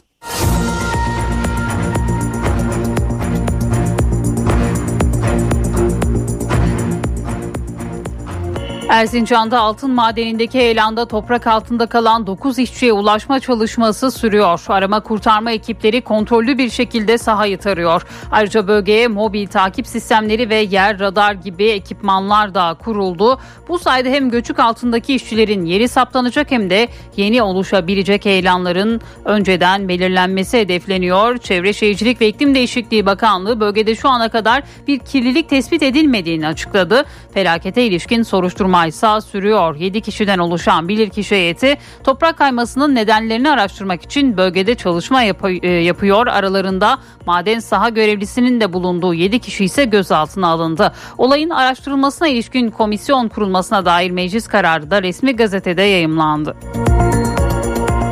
AK Parti İstanbul Büyükşehir Belediye Başkan adayı Murat Kurum, Erzincan İliç'teki maden konusunda bakanlığı dönemindeki eleştirileri yanıtladı. Kurum, maden 135 kez denetlendi, 3 ay kapısına mühür vuruldu, denetimler sıkı yapıldı dedi. Dezenformasyonla Mücadele Merkezi de Erzincan İliç'teki maden ocağının kapasite artırım iznini dönemin Çevre ve Şehircilik Bakanı Murat Kurum tarafından verildiği iddiasını yalanladı. Bakanlığın kapasite artırma izni verme yetkisi bulunmadığının altı çizildi. Şanlıurfa'da şiddetli yağış sele neden oldu. Çoban Deresi taşınca Şanlıurfa Viranşehir yolu suyla doldu. Çok sayıda sürücü mahsur kaldı. Kentte iki ilçede sağanak nedeniyle okullar bugün tatil edildi. Malatya ve Elazığ'da da sağanak etkiliydi. Antalya'da ise pazartesi günü etkili olan ve bir kişinin hayatını kaybettiği şiddetli yağışın izleri sürüyor. Selin vurduğu kentte temizlik çalışmaları başlatıldı. Ankara Kahire hattında yeni bir dönem başladı. Cumhurbaşkanı Recep Tayyip Erdoğan 12 yıl sonra Mısır'ı ziyaret etti ve Mısırlı mevkidaşı Abdülfettah Es-Sisi ile görüşme gerçekleştirdi. İki lider görüşmenin ardından yüksek düzeyli stratejik işbirliği konseyi toplantılarının yeniden yapılandırılmasına yönelik mutabakata imza attı. Erdoğan ve Sisi ilişkilerde yeni bir dönemin başladığı mesajını da verdi. Mısır'la iç içe geçmiş bir tarihi olduğunu vurgulayan Cumhurbaşkanı Erdoğan, ticaret hacmini kısa süre içerisinde 15 milyar dolara çıkarmak için mutabık kalındığını da açıkladı.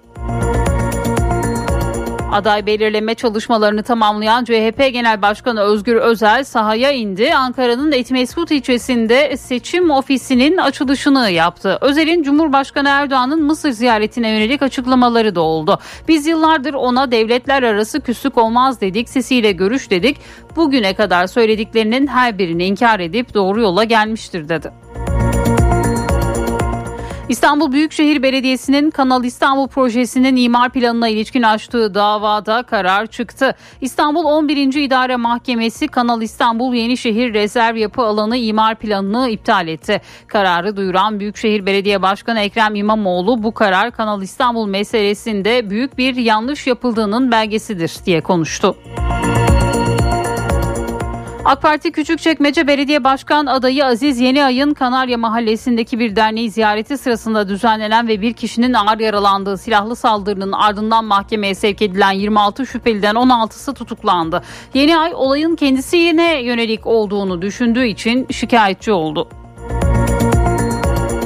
Kasım ve Nisan aylarındaki birer haftalık ara tatil uygulamasını devam ettirme kararı alan Milli Eğitim Bakanlığı 180 olan eğitim iş günü süresini artırmaya yönelik bir düzenleme hazırlığında. Öğrencilerin yılda 200 gün okula gidecek şekilde bir takvim oluşturulması için çalışmalara başlandı. Salı gecesi motorine gelen 2 lira 56 kuruşluk zamın ardından akaryakıtta bir zam haberi daha var. Benzine 1 lira 79 kuruş zam yapıldı. Artış gece yarısı fiyatlara yansıdı. Zam sonrası benzinin litresi İstanbul'da 41 lira 20 kuruşu, Ankara'da 41 lira 90 kuruşa, İzmir'de ise 42 lira 10 kuruşa satılıyor.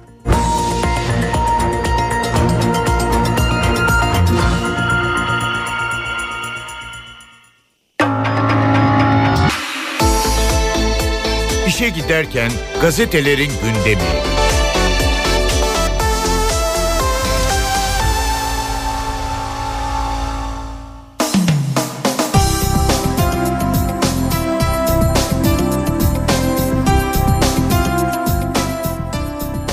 Sabah gazetesiyle başlayalım. Gazze için güç birliği manşetini atıyor bugün Sabah gazetesi. Cumhurbaşkanı Erdoğan'ın 12 yıl sonra Mısır'a yaptığı tarihi ziyarette Dünyaya net mesaj. Akan kanın durması için dayanışma içindeyiz. Gazze'nin insansızlaştırılması kesinlikle kabul edilemez. Kahire'den İsrail'i uyaran Cumhurbaşkanı Erdoğan, barış ve istikrarın tesisi için Mısır'la temaslarımızı artırma kararlılığındayız. Gazze halkının topraklarından sürgün ettirilmesi yönündeki girişimler yok hükmündedir. Gazze'nin insansızlaştırılması hiçbir şekilde kabul edilemez. İsrail katliamlarını refaha taşımaktan uzak durmalı. Uluslararası camia bu duruma izin vermemelidir. Ateşkesin bir an evvel tesisi önceliğimiz dedi Cumhurbaşkanı. Derhal ateşkes çağrısı yapan Cumhurbaşkanı Sisi ise Batı Şeria'daki gerilimin yatıştırılması konusunda Türkiye Cumhurbaşkanı ile aynı fikirdeyim. Mısır ve Türkiye el ele vererek Gazze'de çok iyi sonuçlar elde edebilecek dedi Ve Cumhurbaşkanı Erdoğan'ın Mısır temasları da bu şekilde Sabah gazetesinin manşetine yansıdı. Toprak altındaki 9 maden işçisi için acı bekleyiş bir diğer başlık. Erzincan'daki maden sahasında kayan toprağın altında kalan işçiler için arama kurtarma çalışmaları sürüyor. İliç'teki altın madeni sahasında toprak altında kalan işçilerden 5'inin konteynerde, 3'ünün araç içinde, birinin ise kamyonda olduğu belirtildi. Devlet birimleri, madenciler ve sivil toplum kuruluşlarından oluşan 827 personel arama kurtarma çalışmalarını sürdürüyor. 7 kişi gözaltına alındı diyor sabah bugün. Şiddet oyunları en tehlikeli bağımlılık bir diğer başlık. Samsun'da ailesinin internetle şiddet içerikli oyun oynamasına izin vermediği 12 yaşındaki çocuk tabancayla kendini yaraladı. Uzmanlar oyun bağımlılığıyla mücadele ederken yerine bir şey koymalısınız diyor ve bu haberde yine Sabah gazetesinin ilk sayfasında yer buluyor. Hürriyet'in manşetinde felaketi 5,5 saat önce gördüler başlığını görüyoruz. Erzincan'ın İliç ilçesindeki ana gold altın madenindeki facia saat 9'da alarm verdi. Onlarca işçi bölgeden uzaklaştırıldı ama saat 14.28'de felaket önlenemedi. Önceki sabah 9'da rutin kontrole çıkan görevliler madenden çıkarılıp istiflenen toprağın üst kısmında çatlaklar gördü. Durumu hemen üst yönetime bildirdiler. Yüze yakın işçinin bulunduğu alan boşaltıldı. Saat 14.28'de 3 bölge amiri kontrole geldi. Ancak araçlarından inemeden toprak serine kapıldılar. Boşaltılan bölgede konteynerdeki 5 işçiyle bir kamyon şoförü de toprağın altında kaldı. Hürriyete konuşan uzmanlara göre maden şirketinin milyonlarca ton toprağı sıkılaştırmadan biriktirmesi ve yağmur suyu drenajı yapmaması faciayı tetikledi. Fırat'a bu kadar yakın bir e, yere tesis kurulması da bir başka hata diyor Hürriyet manşetinden. Mısır'la 12 yıl sonra sıcak başlangıç yine Cumhurbaşkanı Erdoğan'ın Mısır temasları bu başlık altında veriliyor Hürriyet'ten. Bir diğer haberse adliyeye saldırının talimatı Fehriye'den başlığıyla. Çağlayan Adliyesi'ne düzenlenen silahlı saldırının talimatını Sabancı suikastı firarisi DHKPC'li Fehriye Erdal'ın verdiği belirlendi. Erdal'la 3 DHKPC'li terörist için yakalama kararı çıkarıldı. Özdemir Sabancı, Haluk Görgün ve Nilgün Hasefe'nin 1996'da Sabancı Center'da öldürülmesinin sorumluları arasında yer alan Fehriye Erdal, suikasttan 3 yıl sonra Belçika'da yakalandı. Terörist Erdal'ın Türkiye'ye iadesi kabul edilmedi. 2006'da Belçika'da firar eden Erdal halen bulunamadı diyor. Yine bu haberde Hürriyet'in sayfasında yer buluyor. Milliyetin manşeti ortaklık zamanı Cumhurbaşkanı Erdoğan ve Mısır Cumhurbaşkanı Sisi Kahire'deki tarihi buluşmalarında güç birliğine giderek ortak projeler geliştirme kararı aldı diyor Milliyet bugün manşetinden. Bir diğer başlıksa facia göz göre göre geldi yine Erzincan İliç'teki Anagol çöpler altın madenindeki toprak kayması bu başlıkla duyuruluyor fotoğraflarla birlikte. Gürsel abi baba ocağına döner bir diğer başlık. CHP lideri Özgür Özel partinin ağır isimlerinden Gürsel Tekin'in istifası için birkaç gün önce e, birkaç gün sonra kendisini arayacağım. Bu ilk kızgınlık geçtikten sonra ben Gürsel abinin yeniden baba ocağına döneceğini düşünüyorum. Herkes yapar da Gürsel Tekin'in bunu yapmaması gerekiyor dedi. Maden kazası ağlattı bir diğer başlık. İyi Parti Genel Başkanı Meral Akşener partisinin dünkü grup toplantısında İliç'teki maden sahasında yaşanan heyelan faciasına değinerek niçin hep garipler kaçamıyor, niçin hep haksızlık bunlara oluyor dedi. Karacaoğlan'ın Vargit Ölüm şiirinden derlenen şarkıyı cep telefonundan salona dinleten Akşener kürsüde hüngür hüngür ağladı diyor. Bugün Yine Milliyet gazetesi Meral Akşener'in fotoğrafıyla birlikte veriyor bu haberi. Kalp gerçekten kırılabiliyor bir diğer başlık. Ani gelişen şiddetli üzüntü, hayal kırıklığı veya stres sonrası kandaki stres hormon düzeyleri dokular için hasar oluşturacak düzeylerde artıyor. Uzmanlar bu durumda hastada ani göğüs ağrısı, nefes darlığı, çarpıntı, baş dönmesi ve bayılma gibi şikayetlerin ortaya çıktığını vurguluyor. Kırık kalp sendromu diye bilinen bu durum kalp kriziyle karıştırılıyor deniliyor yine milliyette. Kirli hava kilo yapıyor. Bir diğer başlık BBC'nin haberine göre hava kirliliğinin neden olduğu iltihaplanma vücudun metabolizmasını olumsuz etkiliyor. Metabolizmanın bozulması da kilo almaya neden oluyor. Uzmanlar havanın en kirli olduğu yerlerde yaşayan çocukların obez olma riskinin iki kat fazla olduğunu söyledi ve bu haberde yine milliyetteydi. Yeni Şafak manşetinde Gazze'de ortak tavır başlığında görüyoruz. İsrail'in Gazze'deki katliamları aralıksız sürerken Cumhurbaşkanı Erdoğan 12 yıl sonra Mısır'ı ziyaret ederek Sisi ile bir araya geldi. İki lider tarihi görüşmede ateşkes sağlanmasına ve Filistinlilerin Gazze'den sürgün edilmesine karşı ortak tavır aldı. Hastaneden çıkanı vuruyor bir diğer başlık. Gazze'deki Şifa ve Endonezya hastanelerini yaralı ve çocuk ayrımı yapmadan zorla boşaltan terör devleti İsrail şimdi de tanklarla kuşattığı Nasır Hastanesi'nde katliama başladı.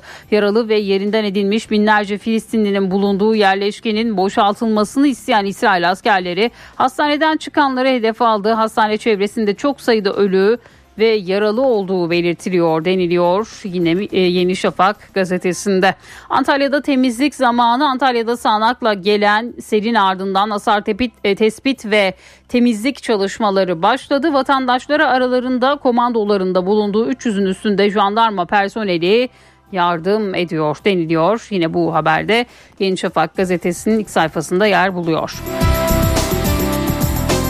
Posta heyelan yolu manşetiyle çıkıyor. Erzincan'da heyelanın yaşandığı altın madeninde 9 işçinin toprak kayması alan anında konteyner ve araç içinde oldukları bilgisinin gelmesi zamana karşı yarış başlattı. Çalışmalar 1708 uzman personel ve teknolojik cihazlar eşliğinde sürerken siyanürlü toprağın Fırat'ın suyuna karışmaması içinse her türlü tedbir alınıyor deniliyor Posta gazetesinin manşetinde.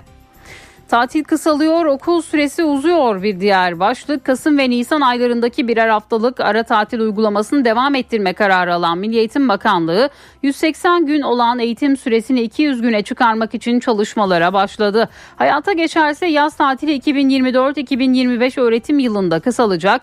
Bir öğrenci Almanya'da yılda 190, Singapur'da 193, Kanada'da 194, Hollanda'da 200, Japonya'da 210, Güney Kore'de ise 220 gün okula gidiyor demiş bugün Posta Gazetesi. Cumhuriyet'in manşeti rant yuttu. Maden faciasında toprak altında kalan 9 işçiyi arama çalışması sürüyor. Sağanak çalışmaları aksattı. Madenin %80'ine sahip olan Kanada-Amerikan ortaklı şirket ise faciadan birkaç saat sonra İliç ve Artvin projesini büyüteceğini Giresun ve Gümüşhane'de de sondaja başlama planını duyurdu ve bu haberde yine Cumhuriyet'in manşetinde yer buldu. Bir alternatif arayışı içindeyiz. Bir diğer başlık. Partisinin belediye başkan adaylarına ilişkin konuşan CHP Genel Başkanı Özgür Özel, tüm Türkiye'de iddialıyız çok sürprizler olacak dedi. Özel Lütfü Savaş'la ilgili tartışmalar için alternatif arayışı içindeyiz diye konuştu. Yine bu başlıkta Cumhuriyet'teydi. Bir haberi daha aktaralım. 40 milyon kişi kredi kullandı. Borçla geçiniyoruz. Alım gücü düşen yurttaşın borcu e, her geçen gün yükseliyor. Bireysel kredi kullanan kişi sayısı bir yılda 2.7 milyon artarak 39.9 milyona ulaştı. Kredi tutarı 2.7 trilyon lirayı aştı. Bireysel kredi kartı borcu bulunanların sayısı ise 36.7 milyon kişi oldu ve yine bu haberde bugün Cumhuriyet Gazetesi'nde yer buldu. NTV Radyo Evdeki Hesap Profesör Murat Ferman hafta içi her gün ekonomideki güncel gelişmeleri NTV Radyo dinleyicileri için yorumluyor. Günaydın Sayın Ferman mikrofon sizde. Zeynep Gül Hanım günaydın. İyi bir gün, iyi yayınlar diliyorum. Dün değindiğimiz, ele aldığımız e, Türkiye'nin dış ödemeler dengesi veya cari dengesi çerçevesinde e, bütün senenin Aralık ayı rakamlarının belli olmasıyla beraber bütün senenin tablosunu ortaya koymuştuk. Şimdi bir hatırlayalım. E, yabancıların Aralık ayında e, 10.6 milyarlık bir yatırım yaptıklarını ama bunun 3.6 milyarının gayrimenkul alımı olduğunu hatırlatarak başlayalım. Kalan tutar da belirli bir ağırlıkla zaten Türkiye'de olan yatırımlarda sermaye artırımı için getirilen tutarı e, temsil ediyor. Türkiye'de 10.6 milyar dolarlık yatırım yapılmakla beraber yurt dışında yapılan 6 milyar dolarlık yatırım bilanço mantığı gereği düşüldüğünde net yatırım tutarı 4.7 milyara iniyor. Doğrudan yatırım için getirilen 4.7 milyar dolar 2020'de elde edilen 4.4 milyar dolardan sonra en düşük tutara işaret ediyor. E, bilindiği üzere uluslararasılaşma, uluslararası finans e, çevresinden veya potansiyelinden yatırım çekme ülkelerin en önemli ekonomik kazanımlarından, amaçlarından bir tanesi. Bu çerçevede uluslararasılaşma süreci de önce doğrudan ihracat, e, dolaylı ihracat, sonra doğrudan ihracat, sonra joint venture yani uluslararası işbirliği ve ortak yatırımla ve en ideali de FDI denilen doğrudan yatırım, foreign direct investment denilen bir çizelgede ilerliyor. Bu çizelgede e, kazanç miktarı doğrudan yatırımlara doğru gittikçe artıyor ama buna paralel olarak risk de artıyor. Öyle ya e, farklı bir ülkede yatırım yapmak, sermayeyi oraya taşımak hiç şüphesiz e, risk oranını da arttırıyor. Ama e, teori ve uygulama doğru yapıldığında e, risk oranı ile beraber kazanç oranının da artması gerektiğini söylüyor. Doğrudan yatırımları da kabaca ikiye ayırıyoruz. Bunlardan bir tanesi brownfield denilen hali hazırda mevcut bir yatırımı, bir ticari faaliyeti e, kiralamak veya devralmak, satın almak mergers and acquisitions dediğimiz MAA dediğimiz birleşmeler ve satın almalar yoluyla bunu elde etmek. E, bunun bir ötesinde de greenfield dediğimiz sıfırdan yepyeni e, genellikle de entegre bir tesis kurmak. İşte e, hal bu noktaya geldiğinde Türkiye'de son yıllarda maalesef greenfield dediğimiz yani sıfırdan büyük ölçekli yatırıma rastlamak mümkün değil. Ee, özellikle bu tür yatırımlara otomobil fabrikaları veya otomotiv sektöründe faaliyet gösteren fabrikalar akla gelir ve bunlar örnek gösterilir. Tabii Türkiye bu konuda özellikle yatırım ofisi ve diğerleriyle yabancı yatırımları çekme yolundaki mücadelesini sürdürüyor. Doğrudan Cumhurbaşkanlığı bünyesinde oluşturulmuş ve genç bir ekibin e, enerjisi yüksek bir tempoyla sürdürdüğü çalışmalar sonuç da veriyor. E, bu işin bir de hani sermayeyi getiren tarafı var. Bu da Türkiye'de e, yabancı şirket CEO'larının e, yönetiminde bulunduğu Uluslararası Yatırımcılar Derneği YASET tarafından e, temsil ediliyor. E, YASET'in aslında açılımı Yabancı Sermaye Derneği ama bir parça irite edici, rahatsız olacağı için e, belki de PR e, yaklaşımlarıyla bunun Uluslararası Yatırımcılar Derneği olarak son yıllarda adlandırıldığını görüyoruz. E, bu e, YASET e, dün itibariyle bir basın toplantısı düzenledi ve e, Türkiye'nin e, uluslararası doğrudan yatırım potansiyeli ve Türkiye'nin e, uluslararası doğrudan yatırım rekabetçilik endeksiyle ilgili verileri tartıştı. Buna göre e, paylaştı, düzeltiyorum. Türkiye'ye son 40 yılda 270 e, milyar dolarlık bir uluslararası yatırım e, geldiğini görüyoruz. E, yatırımı getirenler cephesini ve onların noktayı nazarlarını temsil eden YASE'de göre 33 farklı ülkeden üyelere sahip bu kompozisyonda yabancı sermaye Türkiye'de 1.3 milyon kişiyi istihdam ediyor. Yani toplam istihdamın kabaca %8 veya 9'unu yabancı sermaye yatırımlarında kaynaklanan katma değer üretimi oluşturuyor. Türkiye bu buna karşılık Türkiye'nin ihracatının %30'unu uluslararası sermayeli şirketler gerçekleştiriyor. Bu %30 oranında yani neredeyse üçte bir oranında e, ihracatında yarısı orta ve yüksek teknolojili e, ürünlerden oluşuyor. TÜBİTAK'la da bir e, işbirliği anlaşması bulunduğunu bildiğimiz e, yabancı sermaye bütünlüğü 52 tane ARGA merkezi 6 tane de tasarım merkezinde faaliyet gösteriyor. Son olarak şunu da söyleyelim uluslararası sermayeli şirketler Türkiye'de 85 bin tedarikçi ile çalışıyor. Tabii Türkiye'ye yeni uluslararası yatırım çekmek kadar mevcutların yatırımı arttırmaları da çok önemli ve netice itibariyle sadece şirket satın almalar, sermaye arttırımları değil, sıfırdan yeni ve daha büyük montanlı yatırımların gelmesi, doğrudan yatırım cazibesinin artması Türkiye bakımından önem taşıyor. Ama bunun için önce herhalde Avrupa Birliği ile Gümrük Birliği'nin revizyonu başta olmak üzere münasebet ve statümüzü yeniden gözden geçirmek gerekecek. Evet, tabi paranın tırnak içinde milliyeti olmaz derler. Ama paranın menşei ve milliyeti e, bellidir, ortadadır. Ve herhalde Türkiye gibi e, potansiyeli yüksek ülkelerin, yükselen ekonomilerin daha ziyade portföy yatırımından ziyade doğrudan yatırım dediğimiz sıcak paradan ziyade daha yerleşip durmuş, sizinle beraber gülen, sizinle beraber ağlamaya hazır olan bir miktar veya pozisyon olmasında büyük yarar olacaktır. Bu genel bilgi paylaşımı çerçevesinde değerli dinleyenlerimize katma değeri yüksek ve yüksek katma değerli bir gün diliyor. Huzurlarınızdan hürmetlerle ayrılıyorum. Profesör Murat Ferman'la evdeki hesap sona erdi. Kaçırdığınız bölümleri www.ntvradio.com.tr adresinden dinleyebilirsiniz. Dünya markası Bras çatı sistemleri finans bültenini sunar.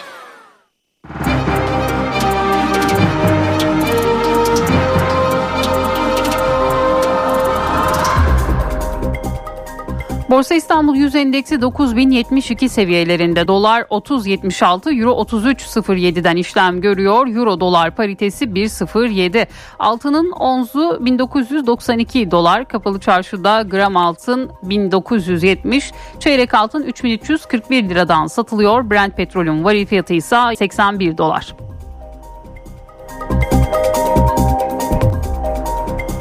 Dünya markası Bras çatı sistemleri finans bültenini sundu. NTV Radyo Benzersiz duvarlar artık hayal değil. Sandeko Boya hava durumunu sunar. Yağış ülkenin geniş alanında devam ediyor. Batı ve iç kesimlerde ise hava soğudu. İstanbul, Ankara ve Bursa yağmurlu. Poyraz sert esiyor. İstanbul 9, Ankara 7, Bursa 11 derece olacak bugün. İzmir bulutlu, yağış gündüz saatlerde hafif sıcaklık 13 derece ama Poyraz kuvvetli estiğinden daha düşük hissediliyor. Antalya'da da yağmur daha çok merkezle Alanya arasında etkili sıcaklık 18 derece. Eşsiz boya, eşsiz mekanlar. Sandeko Boya hava durumunu sundu. Doğa takvimi. Bugün 15 Şubat 2024 Perşembe. NTV Radyo iyi günler diler. Bugünlerde doğada önemli bir işaret Ankara çiğdeminin açması olur. Ankara çiğdemi Şubat ayında açar ve baharın yaklaştığını müjdeler. Bugünler Hititler döneminde An Tahsum adıyla Bahar Bayramı olarak kutlanır, törenler tam 38 gün sürermiş. İngiliz doğa bilimci George Mowen, Ankara'dan gönderilen bu bitkiyi 1881 yılında Ankara çiğdemi olarak kaydedip dünyaya ilan ettiğini ekleyelim. Doğada gezerken rastlayabilirsiniz. Aklınızda bulunsun. Küre dağlarından baharın müjdecisi kardelenlerin görüldüğü haberi geldi. Her yıl Mart ayında çıkan kardelenler bu yıl sıcak hava nedeniyle erken açtı. Çanakkale'nin Çan ilçesinde elma ağacı Aralık ayında meyve vermişti. Kırklareli'de badem ağaçları, Kocaeli'de de erik ağaçları Ocak ayında çiçek açmıştı. Doğa takvimi. Doktor bana doğruyu söyle. Bebeğin mide bağırsak sisteminin sadece anne sütüyle dolu olması. Pikosun aynı zamanda obezite ve diyabetle de ilişkisi olduğunu gösterdi. Meme kanseri belirli sayıda artış var. Ölümlerde azalış var. Yaşamdan ziyade bizim yaşam tarzımızla doğrudan ilişkili bir faktör. NTV Radyo canlı yayınında doktor gündemdeki sorunla ilgili bilgi veriyor, dinleyicilerin şikayetlerini dinleyip yol gösteriyor. Bağışıklık için günlük 8 saat deliksiz bir uyku uyuyabiliyorlar mı? Zeynep Gül Alp'in sunduğu Doktor Bana Doğruyu Söyle her pazartesi 12.15'te NTV Radyo'da. Çünkü biz doktora merak ettiğimiz her şeyi sormak istiyoruz.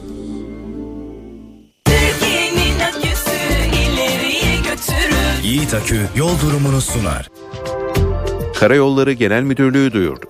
Tak otoyolunun Narlı Gaziantep Batı kavşakları 7-8. kilometrelerinde ve Samsun Ordu yolunun 12-13. kilometrelerinde yol bakım çalışmaları yapıldığından ulaşım kontrollü olarak sağlanıyor. Sürücüler dikkatli seyretmeli. Aküsü. Yiğit Akü yol durumunu sundu.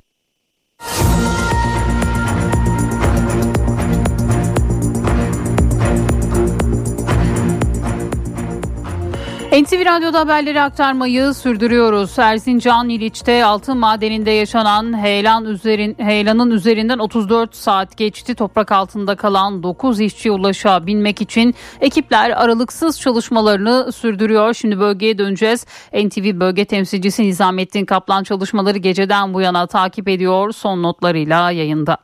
Yağmur gece boyunca devam etti aralıklarla. Tabii ki e, arama çalışmaları devam ediyor. Yani gece ve gündüz ekipler tarafından sürdürülüyor farklı saatlerde. Yani ekipler ilk gün yoğun bir şekilde e, buraya yönlenmişti. Ancak daha sonra daha organize bir şekilde ekiplerin bir grubu gece bir grubu da gündüz vardiyasında çalışmaya başladı ve sabahın ilk ışıklarıyla birlikte bir kez daha e, maden ocağının ana girişindeki hareketlilik artmaya başladı ve şu anda da e, ekiplerin bir kısmı tekrar buraya geliyor ve muhtemelen artık e, bazı ekiplerin değişimi söz konusu olacak. Bilindiği üzere e, İçişleri Bakanı Ali Yerlikaya, Enerji ve Tabi Kaynaklar Bakanı Alparslan Bayraktar bölgedeydi.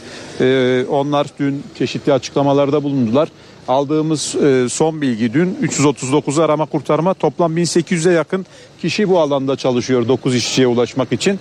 Tabii şu saate kadar da işçilerden haber olmadığını belirtelim. Ailelerin de acı bekleyişi sürüyor. Peki işçiler e, nasıl aranıyor? Şu anda bölgede e, toprak altında kalan konteyner ve e, kamyon ile birlikte bir araç söz konusu. Dün İçişleri Bakanı e, Ali Yerlikaya yaptığı açıklamada bir 5 işçinin konteynerde, 3 işçinin araçta, bir işçinin de kamyonda olduğunu söylemişti. E, dolayısıyla ilk çalışmaların o araçların tespiti yönünde olduğunu söyledi. E, o araçların tespit edilmesiyle de tabii işçilere ulaşımın daha kolay olacağı belirtildi. E, ve e, o çerçevede de çalışmalar devam ediyor bölgede. Bir kez daha belirtelim henüz işçilere ulaşılmış değil ancak e, arama kurtarma çalışmaları devam ediyor. Gün içerisinde de bu yoğun bir şekilde sürecek. Hemen maden e, göçüğünün ardından e, sıkça tartışıldığı bir ihmal olduğu e, konusu gündeme geldi. Ancak bu konuda çalışmalar devam ediyor. Şu an için net bir şey söylemek mümkün değil. E, en azından bizim söyleme şansımız yok çünkü e, uzmanlar bu yönde çalışmalarını sürdürüyorlar. Bir yandan adli bir yandan idari soruşturma devam ediyor. E, adli soruşturma kapsamında 7 kişi gözaltına alınmıştı ve bu gözaltına alınanlar arasında saha sorumlusu da vardı. Onların sorgusu devam ediyor. Bir de işin idari boyutu var. E, o idari boyutta da yine 3 e, baş müfettiş ve bir müfettiş görevlendirilmişti. Onlar da burada çalışmalarını sürdürüyorlar. Göçük sahasında incelemelerini ilk günden bu yana yapıyorlar. Muhtemelen tabii ki onların hazırlayacağı rapor da bir anlamda önemli ipuçları taşıyabilir. Mutlaka ihmali olanlar ya da e, daha önce böyle bir e, tehlikenin olduğunu e, fark edip e, yetkilileri uyarmalarına rağmen herhangi bir işlem yapılmamasının da sanırım bir karşılığı olacaktır e, yapılacak incelemeler sonunda. Bu bölgedeki siyanürlü toprak e, eğer yağışlar devam ederse ya da yağışlar hızlanırsa yeraltı kaynak kaynak sularına e, karışır mı e, ve ya da hemen maden ocağının yanı başında bulunan Fırat Nehri'ne karışır mı şeklindeki tartışmalar da söz konusuydu. Bu yönde uzmanların uyarıları vardı. E, buna paralel olarak hem bakanlıktan hem de e, şirketten açıklama yapıldı. Çevre ve Şehircilik Bakanlığı hem önceki gün hem dün e, bir açıklama yaptı ve gerekli tedbirlerin alındığını duyurdu. Neydi o tedbirler? İlk önlem olarak maden sahasında yaşanan toprak kayması sırasında akan malzemenin Fırat Nehri'ne ulaşmasını engellenmesi amacıyla Sabırlı Deresi'nin Fırat Nehri'ne ulaştığı menfezin kapaklarının kapatıldığı duyuruldu. Tabi bu yeterli değildi. Sonrasında dün bir açıklama daha yaptı bakanlık ve şöyle bir paylaşımda bulundu. Yağmur ve benzeri nedenlerle oluşabilecek akış sularını toplamak için tedbir olarak her ihtimale karşı sızdırmazlığı sağlanmış olan bir yüzey suyu toplama havuzu yapılmıştır dendi. Yine olabilecek herhangi bir akış durumunda atık depolama barajına verilecek sistem de oluşturulmuştur e, dedi. Çevre Şehircilik ve İklim Değişikliği Bakanlığı yaptığı açıklamada şirketten de bir açıklama geldi. Şirket de benzer paylaşımlarda bulundu ve bölgede şu an için herhangi bir risk olmadığını duyurdu. Yine 6 farklı noktada numunelerin alındığını ve bu numunelerin e, tahlil sonuçlarının da şu anda e, herhangi bir olumsuzluk söz konusu olmadığını belirtti yaptığı açıklamada tahlil sonuçları ile ilgili. Nizamettin Kaplan Erzincan'daki son durumu anlattı. İliç'teki maden ocağının kapasite artırım iznini dönemin Çevre ve Şehircilik Bakanı Murat Kurum tarafından verildiği iddiası yalanlandı. Dezenformasyonla Mücadele Merkezi'nden yapılan açıklamada söz konusu iddiaların yer aldığı haberlerin manipülasyon içerdiği vurgulandı. Çevre Şehircilik ve İklim Değişikliği Bakanlığı'nın kapasite artırma izni verme yetkisi bulunmadığının altı çizildi. Heyelan'ın meydana geldiği maden işletmesinin o dönemde Çevre Bakanlığı tarafından 135 kez denetlendiği belirtildi. O dönemde çevre kirliliği nedeniyle işletmeye 16 milyon 441 bin lira idari para cezası kesildiği, ayrıca çevresel iyileştirmeler yapılıncaya kadar işletmenin faaliyetlerinin durdurulduğunun da altı çizildi. Cumhurbaşkanı Recep Tayyip Erdoğan 12 yıl sonra Mısır'ı ziyaret etti. Mevkidaşı Sisi ile görüştü. İki lider görüşmenin ardından yüksek düzeyli stratejik işbirliği konseyi toplantılarının yeniden yapılandırılmasına yönelik mutabakata imza attı. Hem Erdoğan hem de Sisi ilişkilerde yeni bir dönemin başladığı mesajını verdi. Cumhurbaşkanı Recep Tayyip Erdoğan Kahire'de Mısır Cumhurbaşkanı Sisi tarafından havalimanında karşılandı. Erdoğan'ın 12 yıl sonra Mısır'a gerçekleştirdiği ilk ziyaret Ankara-Kahire hattında yeni bir dönemi de başlattı. İttihadiye Sarayı'nda düzenlenen karşılama töreninin ardından baş başa ve heyetler arası görüşmeler gerçekleştirildi. Ortak basın toplantısındaysa ilişkilerde yeni bir dönemin başladığı mesajları verildi. Türkiye-Mısır ilişkilerini hak ettiği seviyeye çıkartma gayretindeyiz. Ticaret hacmi kısa süre içinde 15 milyar dolara çıkarmak için mutabık kaldık. Ayrıca 3 milyar dolara yaklaşan yatırımlarımızı da artırma kararlılığındayız. LNG, nükleer ve yenilenebilir enerji alanında işbirliğimizi geliştirme imkanlarını da değerlendiriyoruz. Bu ziyaret ikili ilişkilerimizin daha da gelişmesi bağlamında yeni bir sayfanın açılması anlamına geliyor. İki ülkenin de ağırlık merkezi olduğu konumunu barışın tesisi için kullanmak istiyoruz. İki liderin görüşmesinde ana gündem başlıklarından biri Gazze'ydi. Gazze halkının topraklarından sürgün ettirilmesi yönündeki girişimler bizler için yok hükmündedir. Netanyahu yönetimi katliamlarını Gazze'li sivillerin sığındığı son nokta olan Refah'a taşımaktan uzak durmalıdır. İki lider görüşmenin ardından yüksek düzeyli stratejik işbirliği konseyi toplantılarının yeniden yapılandırılmasına yönelik mutabakata imza attı. Konsey iki yılda bir toplanacak. O toplantılardan ilkinin Nisan ayında Türkiye'de yapılması planlanıyor. Değerli kardeşimi konsey toplantımızı gerçekleştirmek üzere ilk fırsatta Ankara'ya beklediğimi söyledim. Nisan ayında Cumhurbaşkanı'nın daveti üzerine Türkiye'ye gitme arzusundayım. İki liderin imza attığı ortak bildiride Türkiye ve Mısır güçlü ilişkilerini her alanda daha da pekiştirme yönündeki kararlılıklarını teyit ederler ifadesi yer aldı. Bildiride iki ülkenin siyasi ve diplomatik, ekonomi, ticaret ve turizm, askeri ve savunma sanayi ile enerji alanlarında işbirliğini etkinleştireceği belirtildi. Resmi temasların ardından Erdoğan'la Sisi Kahire'de bulunan İmam Şafii Türbesi'ni ziyaret etti. Emine Erdoğan ve Entisar Amer'in eşlik ettiği iki lider türbede incelemelerde bulundu. İstanbul Büyükşehir Belediye Başkanı Ekrem İmamoğlu İstanbul'da çevre alanında kentin gelişimine yönelik projelerini anlattı. İmamoğlu Kanal İstanbul'un iptal kararı için bu karar Kanal İstanbul meselesinde büyük bir yanlış yapıldığının belgesidir dedi. İstanbul Büyükşehir Belediyesi'nin Kanal İstanbul projesinin imar planına ilişkin açtığı davada karar çıktı. İstanbul 11. İdare Mahkemesi Kanal İstanbul Yenişehir Rezerv Yapı Alanı imar planını iptal etti. Kararı Büyükşehir Belediyesi Başkanı Ekrem İmamoğlu duyurdu. Bu karar Kanal İstanbul meselesinde büyük bir yanlış yapıldığının bir başka yönüyle de hüküm altına alınmasının bir belgesidir. İmamoğlu Haliç Kongre Merkezi'nde düzenlenen Yeşil Proje tanıtım toplantısına katıldı. 5 kent ormanı, 364 mahalle parkı açtıklarını vurguladı. Şehrin betonlaşmasına izin vermeyeceklerini söyledi. Biz İstanbul'un en güçlü muhafızı olmaya devam edeceğiz. İmamoğlu Erzincan İliç'te maden sahasındaki toprak kayması ile ilgili de konuştu. Madene kimin izin verdiğini hepiniz biliyorsunuz. Altında kimin imzası var hepiniz biliyorsunuz. Bugün kimse Ama hiç kimse biz para cezası verdik üzerimize düşeni yaptık diyemez. Cumhur İttifakı'nın Ankara Büyükşehir Belediye Başkan adayı Turgut Altınok sanayici ve girişimcilerle bir araya geldi. Altınok havalimanı metrosu projesini anlattı. Cumhur İttifakı'nın Ankara Büyükşehir Belediye Başkan adayı Turgut Altınok seçim çalışmalarını sürdürüyor. Altınok, İvedik Organize Sanayi Bölgesi'nde sanayicilerle ve girişimcilerle buluştu. Belediyeciliğin anlayışını değiştirdik Türk. Alanını genişlettik. İnşallah havalanı yolu metromuzu programa aldırdık. 2024 yılında havalanı yolu metrosunun ihalesi yapılacak. Havalimanı metrosu projesini anlatan Altınok, Ankara Büyükşehir Belediye Başkanı Mansur Yavaş'a yönelik eleştirilerini sıraladı. Ankara'nın ulaşım, master, imar planı yok ya. Bu plan yapılmadı 5 yıldır. Şu an Ankara'daki yapılmış olan işlerin inan tamiri yapılamıyor değerli hemşehriler. Yani bu ülkede yaptığı bir spor tesisi yok. 5 yıldır bir hayvan barınağını bitiremedi.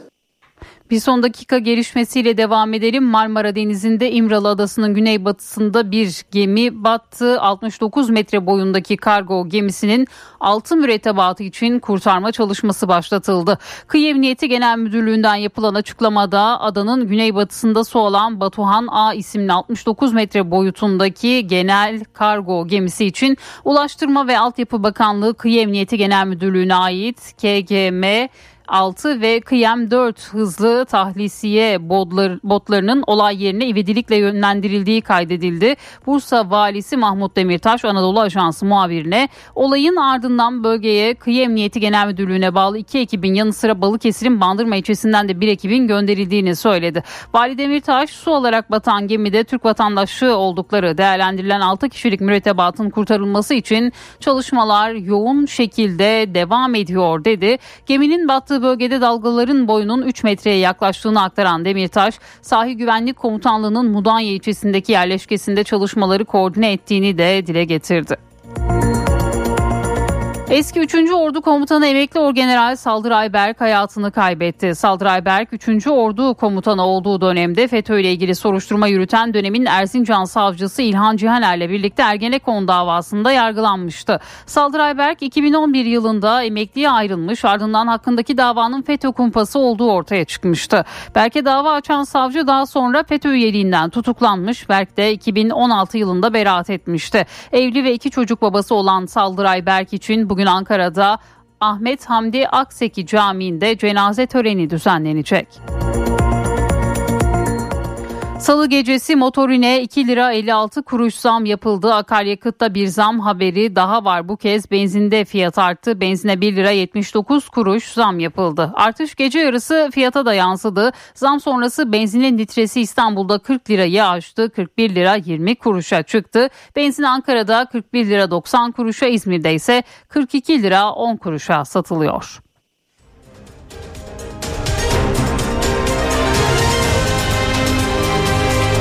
NTV Radyo HDI Sigorta İstanbul'un yol durumunu sunar.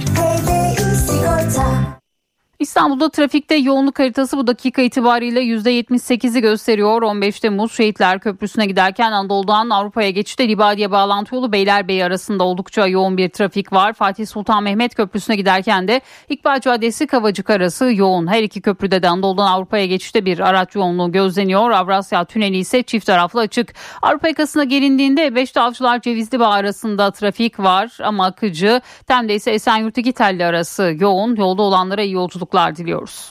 HDI Sigorta İstanbul'un yol durumunu sundu. Sigorta